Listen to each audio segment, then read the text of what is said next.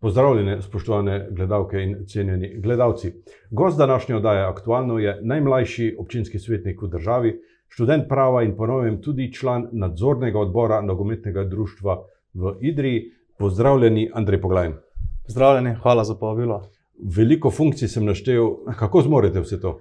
Ja, kaj ne rečem. Uh, potrebno se je vzeti čas za vse, uh, če hočemo delo opraviti, kar se da, perfektno, strokovno pa pač vsaka stvar vzame neki, nek, nek del prostega časa, neki, neki del uh, profesionalnega življenja in tako dalje.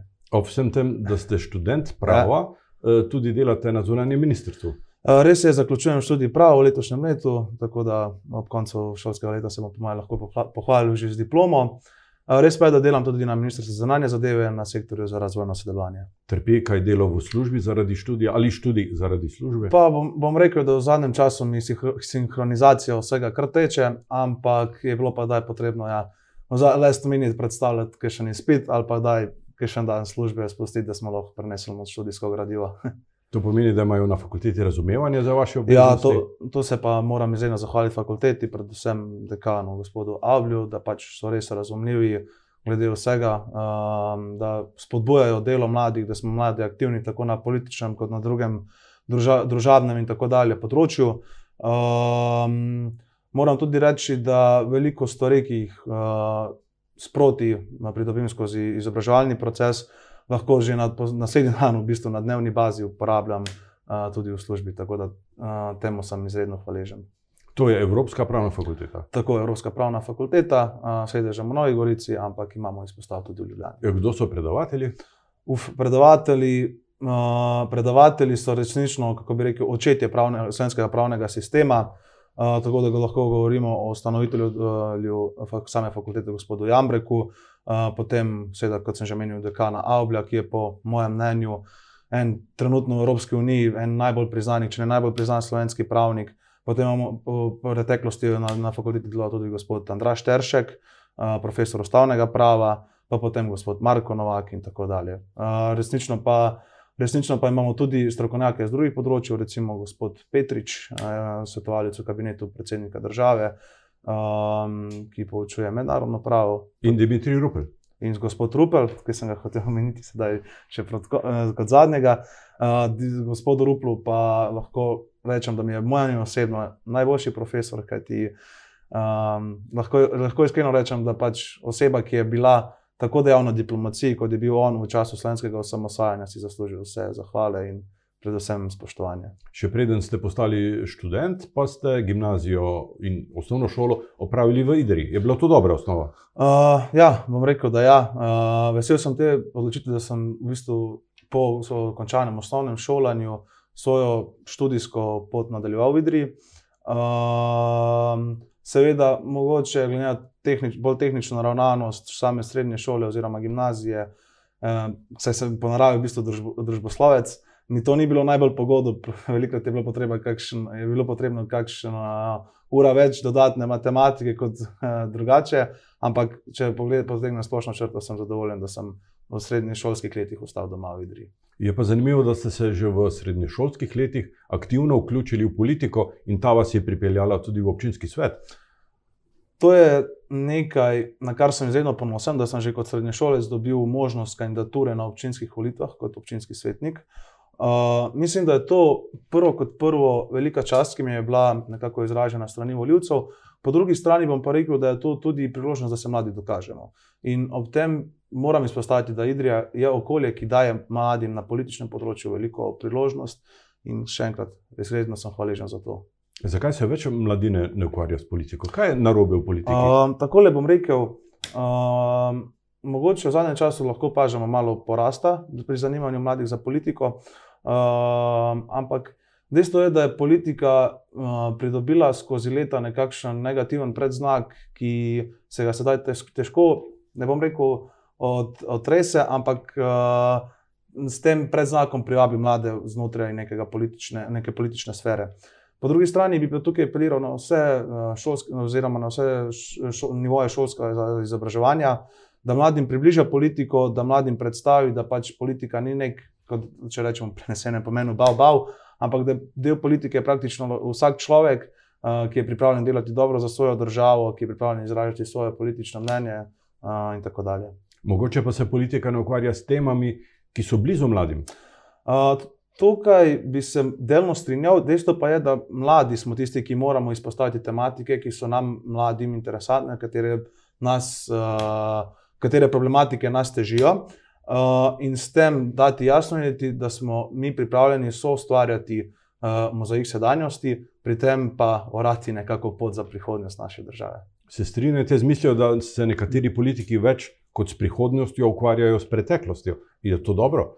Uh, definitivno se nažalost strinjam, se moram strinjati s to misel. Je pa tako, da mladi nismo obremenjeni nekako z nekimi um, težnjami preteklosti in gledamo predvsem na prihodnost. Čeprav poznati zgodovino, je pa nujno. Ne? Jaz sem rekel tako: zgodovina nas uči veliko, uči nas, da se ne smemo ponavljati napak iz, iz storjene skozi samo zgodovino. On pa rekel tudi tako, nekako, če se z nekim rekom izrazim, slikar za nastanek lepe, čudovite slike vedno potrebuje belo, čisto platno, platno, kajti le na tega lahko nastane mojstrovina. In tako je tudi zgodovina. Zgodovina mora biti, zgodovinsko platno mora biti razčiščeno, belo, da lahko potem skupaj so ustvarimo nekaj lepega za naprej. V občini Idrija je sedaj občinski svet sprejel strategijo za mlade, tudi sami ste eh, v občinskem svetu aktivno razpravljali o tej, o tej temi. Eh, kakšni so pravzaprav poudarki, kaj pričakujete mladi od te lokalne skupnosti v bodoče? Uh, jaz sem rekel tako: uh, mladi moramo v Idriji izpostaviti problematike, ki, ki so najbolj pereče, se pravi, oziroma so tudi izpostavljene skozi strategijo, odseljevanje, iskanje novih zaposlitev, uh, mogoče še, kako bi rekel, izobraževanje oziroma širša, širjenje spektra izobraževanja, um, predvsem pa stanovanska problematika. Uh, rekel bom tako, da Idrija kot sama je nekako, nekako specifično okolje, kaj ti ponuja možnost zaposlitve večinoma samo znotraj nekaterih strok oziroma stroke, medtem ko drugi izobraženi mladi na drugih področjih, večinoma tukaj izvisi ravno družboslovna smer, uh, moramo ali morajo iskati zaposlitev v drugih krajih Slovenije. Letos se vam izteka štiriletni mandat občinskega svetnika. Na katere teme ste upozarjali, na kaj ste pravzaprav ponosni? Uh, jaz sem, že ko sem kandidiral, sem, prvo, sem največkrat izpostavil, oziroma skozi samo kandidaturo, sem največkrat izpostavljal dejstvo oziroma problematiko Kajzer Parka, ki je pač bil zauzet nekako s temi, če se lahko izražam, solinami.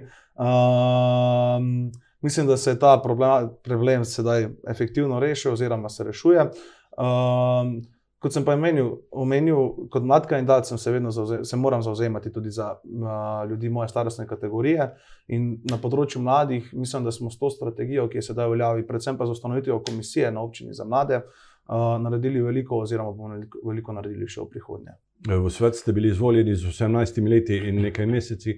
Kako so na vas gledali drugi občinski svetniki? Večinoma so to starejši gospodje. Res je, še danes se spominjam te prve seje, zasedanja seje na občini.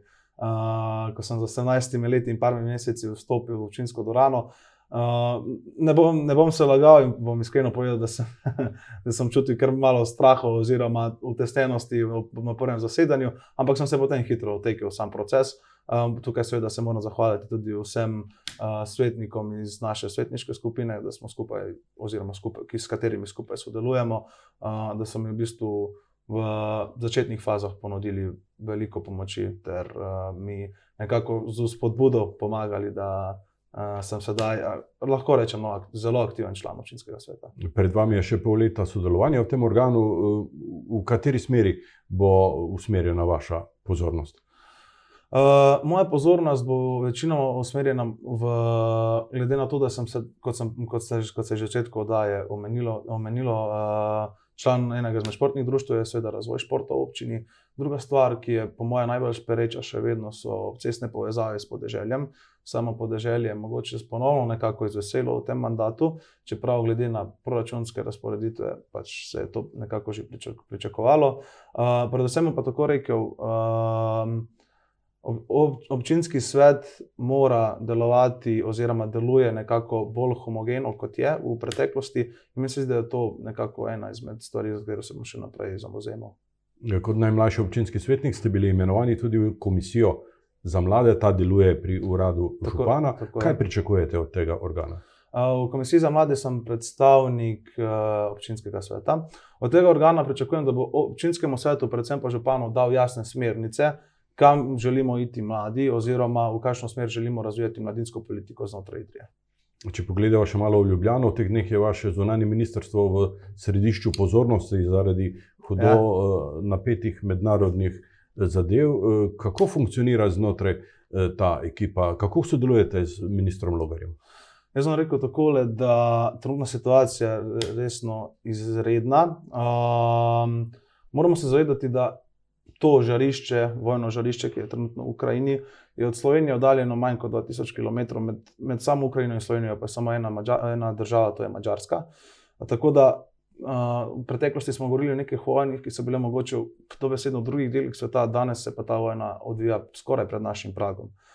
Uh, Zunanje ministrstvo je v prvi fazi potreb, moralo poskrbeti za slovenske državljane, nažal, na srečo, se pravi, na srečo, uh, noben od slovenskih državljanov ni bil ogrožen ali pa karkoli. karkoli. Evakuacija vseh iz Kijeva, ki je trenutno oblegano, je uspešna. Uh, Slovenija je tudi ponudila uh, humanitarno pomoč uh, Ukrajini v višini skoraj 170 tisoč evrov. Poslali smo jim tako maske, kot zaščitno opremo, uh, kot tudi druge uh, potrebne stvari za humanitarno, za humanitarno delovanje. Uh, bom pa še daj se pridružil, bom pa izkoristil to priložnost in nekako se pridružil uh, izjavama tako predsednika vlade, gospoda Jana Zajanša, kot predsednika države Boruta Pahorja, da obsojamo delovanje Rusije oziroma to agresijo nad uh, ukrajinsko državo in ukrajinskim narodom, predvsem. Na ministrstvu ste bili aktivni tudi v času predsedovanja Slovenije. Eh, Kakšna izkušnja je bilo to, ko je bila naša država v središču pozornosti? Jaz sem rekel, v prvo sem res izredno hvaležen samemu ministru Logarju ter uh, samemu ministrstvu, da sem dobil priložnost za delovanje na ministrstvu za zunanje zadeve v času tako pomembne funkcije, ki jo je nosila Slovenija. Uh, dejstvo je, da je bilo to zelo napetih oziroma napornih uh, pol leta. Uh, Slovenija pa moram reči, in mislim, da, ste, da to potrjuje tudi mednarodna javnost, predvsem pa uh, vse, vse države članice, da je Slovenija v predsedovanje upravila izredno, izredno dobro, uh, pokazali smo se v najboljši možni luči. Uh, tako bom rekel, če se smem izraziti uh, z mnenjem uh, nemškega veleposlanika, slovensko pred- predsedovanje je bilo top of the top. Eh, Boste, ste stik pred diplomo, boste združili vašo diplomo, temo diplome, mogoče s tem vašim poklicnim udejstvovanjem? Uh, rekel bom takole, ne, uh, znotraj prava poznamo dosti smeri, ena izmed tega tudi diplomatsko pravo, uh, ki me zelo zanima. Uh, po drugi strani tukaj tudi mednarodna, mednarodno pravo in tako dalje. Za diplomsko nalogo pa se bom odločil verjetno za tematiko diplomacije Slovenije v času osamosvajanja naše države. Je pa zanimivo, da ste izpostavljeni član eh, Slovenske demokratske stranke in da ste dobili eh, bi- službo na zunanjem ministrstvu. Eh, So vam pri tem pomagale te strankarske povezave? Uh, mislim, da tukaj ni nobene povezave s strankarskim delovanjem. Jaz sem se tako kot ostali prijavil na razpis za samo delovno mesto. Uh, verjamem, da bi, če, se, če bi se na, na ta razpis prijavili bolj kompetentno, se bi tudi on, bi one pred mano dobile priložnost. Uh, potrebno se je zavedati, da Ministrstvo za zunanje zadeve je zelo velika institucija znotraj Slovenije, tako da uh, nekega kadrovanja mo, sploh mo, ni mogoče no, izvajati. Uh, tudi če bi ga se, bi se to hitro znašlo v javno, slovenski javnosti, tako kot so se znašle stvari v preteklih vladah, ko se je pač to dogajalo. Um, bom pa rekel takole: slovensko, sploh ministrstva morajo predstavljati tako predstavniki obe, obeh, oziroma vseh političnih polov, kot tudi akademske sfere, da, da pač ministrstvo delujejo v najboljši možni luči. Imate pa znotraj politične stranke kar nekaj eh, odgovornih eh, funkcij, nalog, katere vse? Uh, uh, to, je, to je res. Najbolj najprej bi izpostavil, seveda, da sem predsednik uh, lokalnega medobčinskega odbora Slovenske demokratske mladine Idrija in Cerkno, potem je tukaj še funkcija uh, člana uh, oziroma koordinatorja regijske koordinacije Slovenske demokratske mladine, ter tudi člana nadzornega odbora Slovenske demokratske stranke. To pomeni, da gledate pod prste, kot se reče, ja, samemu vrhu stranke. Res je tako, res je tako. Uh, pač to funkcija nadzora je, po mojem, ena najbolj pomembnejših, če ne naj, najbolj pomembna znotraj stranke. Saj smo le mi tisti organ, ki pač uh, moramo v primeru kakršnih koli problematik prvi urgirati, oziroma te problematike prvi izpostaviti. Prebral sem v enem od intervjujev vašo misel, da se podmladki tudi velikih strank pravzaprav med sabo ne kregate prav veliko. Jaz sem rekel tako, uh, mladi nismo obremenjeni z nekimi, ne bom rekel, ideološkimi obremenitvami, ampak uh, z nekimi trenji, ki so mogoče na ostalem političnem področju. Seveda imamo med sabo različne ideje, različne poglede na prihodnost, ampak mislim, da smo mladi lahko zgled ostalim, kako se pač da dobro povezovati uh, in delati za boljše naše, naše domovine. Uh, tukaj bi se da izpostavil recimo akcijo, ki smo jo vsi politični podmatke pripravili v glede promocija cepljenja proti samemu COVID-u, pa mogoče sodelovanju s pomladkom Mlade Slovenije, Mlado Slovenijo smo, uh, uh, smo lansko leto avgusta pripravili mladinski strateški forum, ki je bil v Mariboru velik uspeh. Država v zadnjih, predvsem v zadnjih mesecih, vlaga kar veliko denarja v projekte tudi na našem območju. Katere bi izpostavili? Proračun za naslednja dva leta je res namenjen Sloveniji, oziroma se pravi, Idriji, dosti sredstev ampak ne samo Idriji, tudi, ampak tudi crkva. Um, Idrijsko-crkljanska je ponovno pod to vlado dobila neko veljavo, ki je mogoče v preteklosti ni bilo.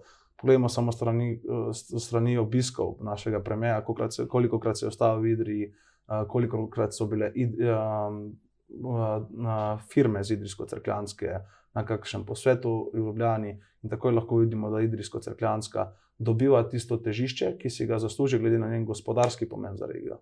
Pomagate tudi vi osebno, kaj pri teh povezavah? Um, bom rekel, da sem člen, ne bom pa rekel, da sem ključen člen, kar se tega tiče. Ja, povejte nam, eh, kje se vidite čez 20 let? Uf, uh, to vprašanje je nekako vprašanje, ki ga doska dobim, ampak nikoli nimam nekega uh, de facto odgovora.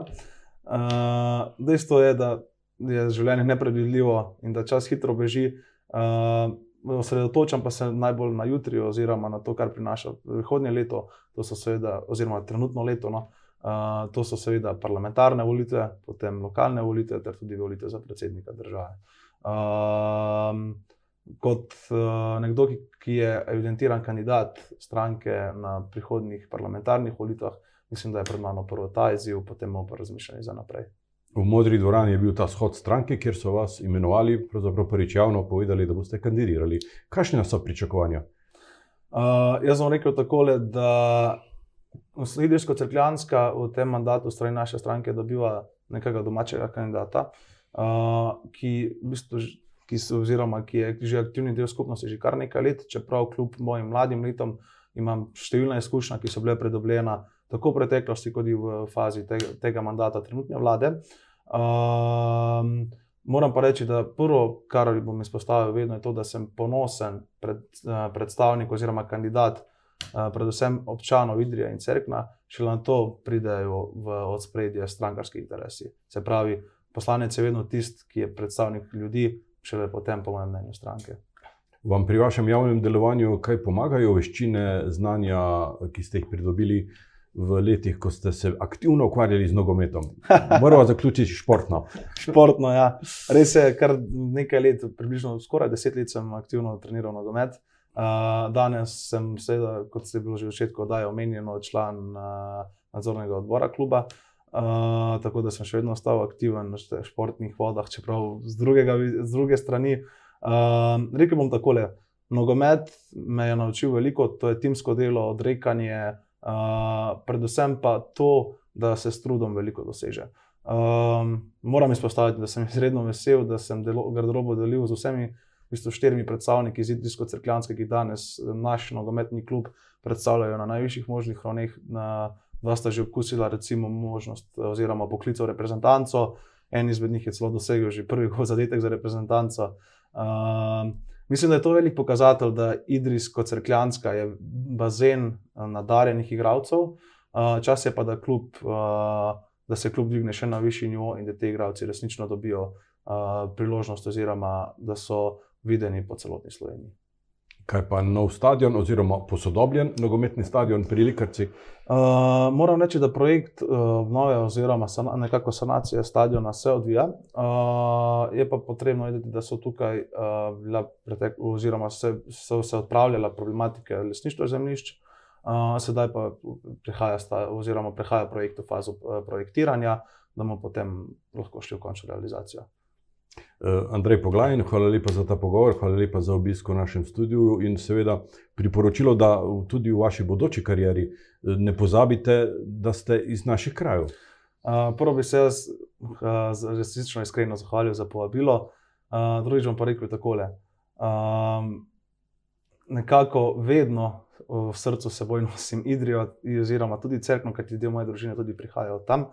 Uh, nekoliko, nikoliko, nikoli ne bom pozabil, odkje prihajam, pa čeprav mogoče lahko malo kdaj občasno skrijem moj naglas. Lepo. Vam, spoštovani gledalke in gledalci, pa hvala za pozornost in srečno.